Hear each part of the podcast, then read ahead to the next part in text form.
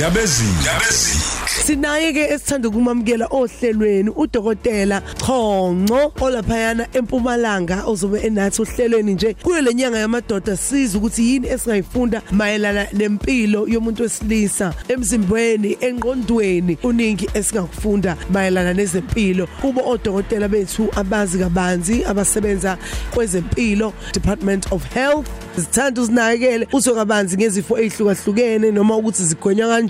Uma unaso esinye isifo ukuthi ungaphila naso kanjani impilo yakho ibe yinde ibe yinhle futhi eh uqhuquzeleke nje ekuthenini ukhuthale mayelana nempilo yakho. Dokotela Chonco siyakwamukela ukhozi FM Ngibingelele bonke abalaleli bokhozi nakuzo zonke indawo la okufinyelela khona ukhozi FM. Igama lami nguSifiso uDr Chonco. Njengoba sazi sonke ukuthi lenyanga inyanga yabantu besilisa, namhlanje ngizothanda ukukhuluma ngesifo esibizwa ngokuthiwa iprostate cancer noma umdlavuza weprostate. Nokuyisifo esijwayeleke kakhulu kubantu besilisa, ikakhulukazi laba asebekhulile ngeminyaka. Ngiyacabanga ukuthi kubalekile ukuthi ke sicobelelana ngolwazi lwaso khona sizokwazi ukuthi sivikeleka kanjani ukuthi yini umuntu akumele yenze. I-prostate sisuke sikhuluma ngegland etholakala laphana esithweni sangasese somuntu wesilisa. Kuyenzeka-ke ngokuhamba kwesikhathi uthole ukuthi as iminyaka ihamba umuntu ekhula kubantu besilisa nayo le gland lesibiza ngokuthi i-prostate iyakhula usize wayo. Kodwa-ke namhlanje angizokugxila kakhulu kulokho ngizogxila kulo mdlavuza esizokhuluma ngawo we-prostate. Kuyisifo esijwayeleke kakhulu-ke sijwayele ukuthi uma ngabe sibuka ukuthi sijwayeleke kangakanani sisebenzise ukuthi oyedwa waba u-five uzoba naso lesifo lesi and sijwayele ukuhlasela kakhulu abantu abaneminyaka engaphezu kuka 50 years. Kodwa kuyenzeka noma ungaphansi kweminyaka ube naso. Mase kuya ukuthi iziphi ama factors onawo angaholela ekuthenini ugcine ube nalesifo so ezinye zezinto ejwayelekile ezingagcina zikwenza ukuthi ube naso lesifo sibuka kukho iminyaka. Njengoba sengishilo ukuthi isikhathi esiningi sijwayele ukuhlasela kakhulu abantu abaneminyaka engaphezulu kuka 50 years noma uma ngabe ukuthi ekhaya ukhona umuntu owakwaba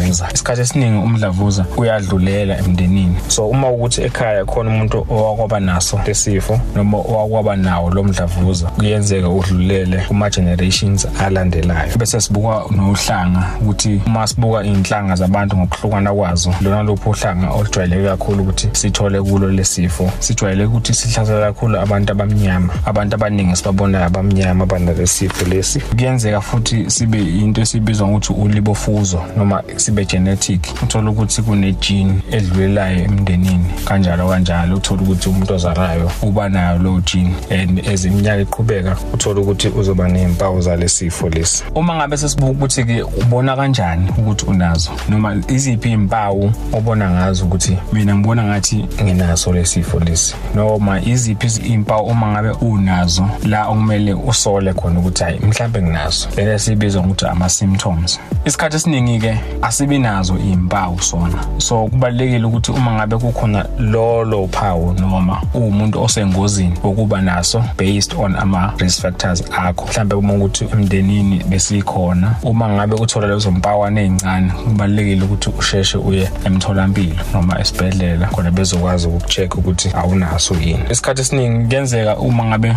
umnomdlavuza noma imuphi khona izimpawu nje ejwayelekile uthola ukuthi umuntu uyehla emzimbeni wehla kakhulu then indlela okujwayeleke ngakhona. Uthola ukuthi akuthanda ukudla kuba nento esibiza ngokuthi fever kuyenzeka uma ngabona lezo impawu isikhathi esiningi nazo kuyenzeka ikhomba ukuthi kungenzeka ukuthi unomdlavuza othize. Uma ngabe sesibuka lesifo maqondana naso omunye umuntu uma ngabe sikhukhumele kakhulu iprostate le ngoba ngishilo ukuthi iyakhukhumala kwasize wakhona. Uma ngabe sikhukhumele kakhulu kuyenzeka uthola ukuthi umuntu akasakwazi ukuchama ngoba le gland engikhuluma ngayo igland itholakala esithweni sangasese evalela leli pipe lokuchama uma ngabe sikhukhumele kakhulu. Kuyenzeka uthola ukuthi izocindezela ipipe leli lokuchama uthola ukuthi umuntu akasakwazi ukuchama. Noma echama umchamo omncane kodwa noma sekadile ukuchama ezwa ngathi akadelanga ukuchama. So uma ngabe unalozo mpawu noma unalolo phawu lolo lokuthi ungachameki kahle umchamo uthola ukuthi awuchami at all noma uma uqedile ukuchama uzwa ngathi khona umchamo osasele. Kanti ekhaya ukhona futhi umuntu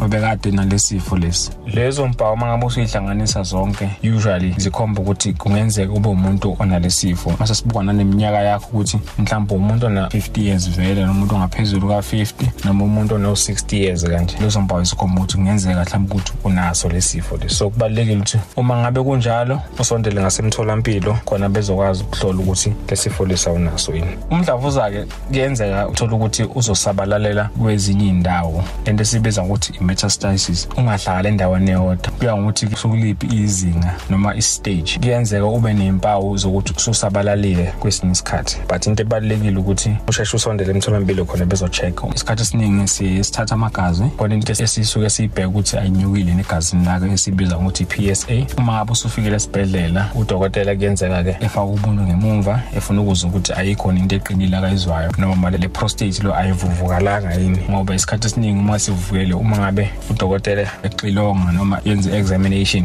kuyenzeka ezwe ukuthi hayi no ikhokhumele so ethatha amagazi enze izinto. Akuyona-ke into engathi mhlambe iyavikeleka. Into ebalulekile ukuthi uma unempawu usheshe emtholampilo besheshe bekwenza ama-test ukuze bebone ukuthi inkinga ikuphi. Bese sikhuluma ngokuthi uma ngabe sithola ukuthi unawo umdlavuza lona yini mhlambe abangakusiza ngayo as part of i-treatment isikhathi esiningi kusetshenziswa amaphilisi and esithi i-medical treatment ngoba imidlavuza eminingi izinto kanjeni kuyenzeka. Ugcina usufika ezingeni lokuthi wenze i-surgery bekhiphe lesigaqa lesisuke sikhona. But uma sikhuluma ngalo mdlavuza lo isikhathi esiningi siqale sibheke ukuthi uyasizakala yini nge-treatment. Kodwa uma ngabe sikhuluma nje ngomdlavuza ngokujwayelekile isikhathi esiningi siqale sibheke ukuthi uyakhona nokusizakala nge-treatment. Nanokuthi kuya ngokuthi ukuliphi izinga uku-stage bani ngoba khona isikhathi la khona uma ngabe ususemazingeni aphezulu la khona ungeke usakwazi ukwenza i-operation. Uma ukuthi bayathola-ke ukuthi hhayi no unawo ngempela umdlavuza uyaye usu-refeya kodokotela-ke. Udokotela ugxila ezithweni zangasese laba esibabiza ngokuthi ama-urologist sometimes kuyenzeka ugcine usudluliselwa phambili kodokotela laba abagxila ezintweni ze-cancer ama-oncologist. La khona uzoqaliswa khona kwi-treatment noma unikezwe lento esibiza ngokuthi i-chemotherapy noma i-radiotherapy. Njengoba ngisho ukuthi kuya ngokuthi ukuliphi izinga. I-surgery usually yenziwa kubantu abaneminyaka engaphansi kuka-60 years. Uma kuwukuthi umdlavuza wakho akasabalali so leso sikhathi leso ila khona kukhishwa khona i-prostate le bayayikhipha nje la esuke ikhona ukuze ingaze isabalale egazini. Uma ngabe iminyaka yakho ingaphezulu kwa-60 most of the time kusetshenziswa lento esibiza ngokuthi iradiation noma uma ngabe mhlambe isesabalalile ungeke sakhonakala ukuthi kwenziwe isurgery. Yilokho namhlanje bengifuna sikhulume ngakho. Uma ukuthi ukhona mhlambe onembuzo singayishiya imibuzo. Ngiyabonga kakhulu. Ukhosi FM lihamba phambili Dr Chonco awu sasafunde kuningi ekseni ngimayelana nezempilo zabantu besilisa. Inyanga yonke nje sizobe sixile kuwe umuntu wesilisa siyakuthanda. Nanokuthi nje uqhubeke wenze kahle wena wenza kahle. Wena namaphutha ungagive up ekuthenini ulungisa amaphutha akho. Ndabezi Ndabezi. Njalo ngesonto kusukela ngo12 kuya ku3 ekseni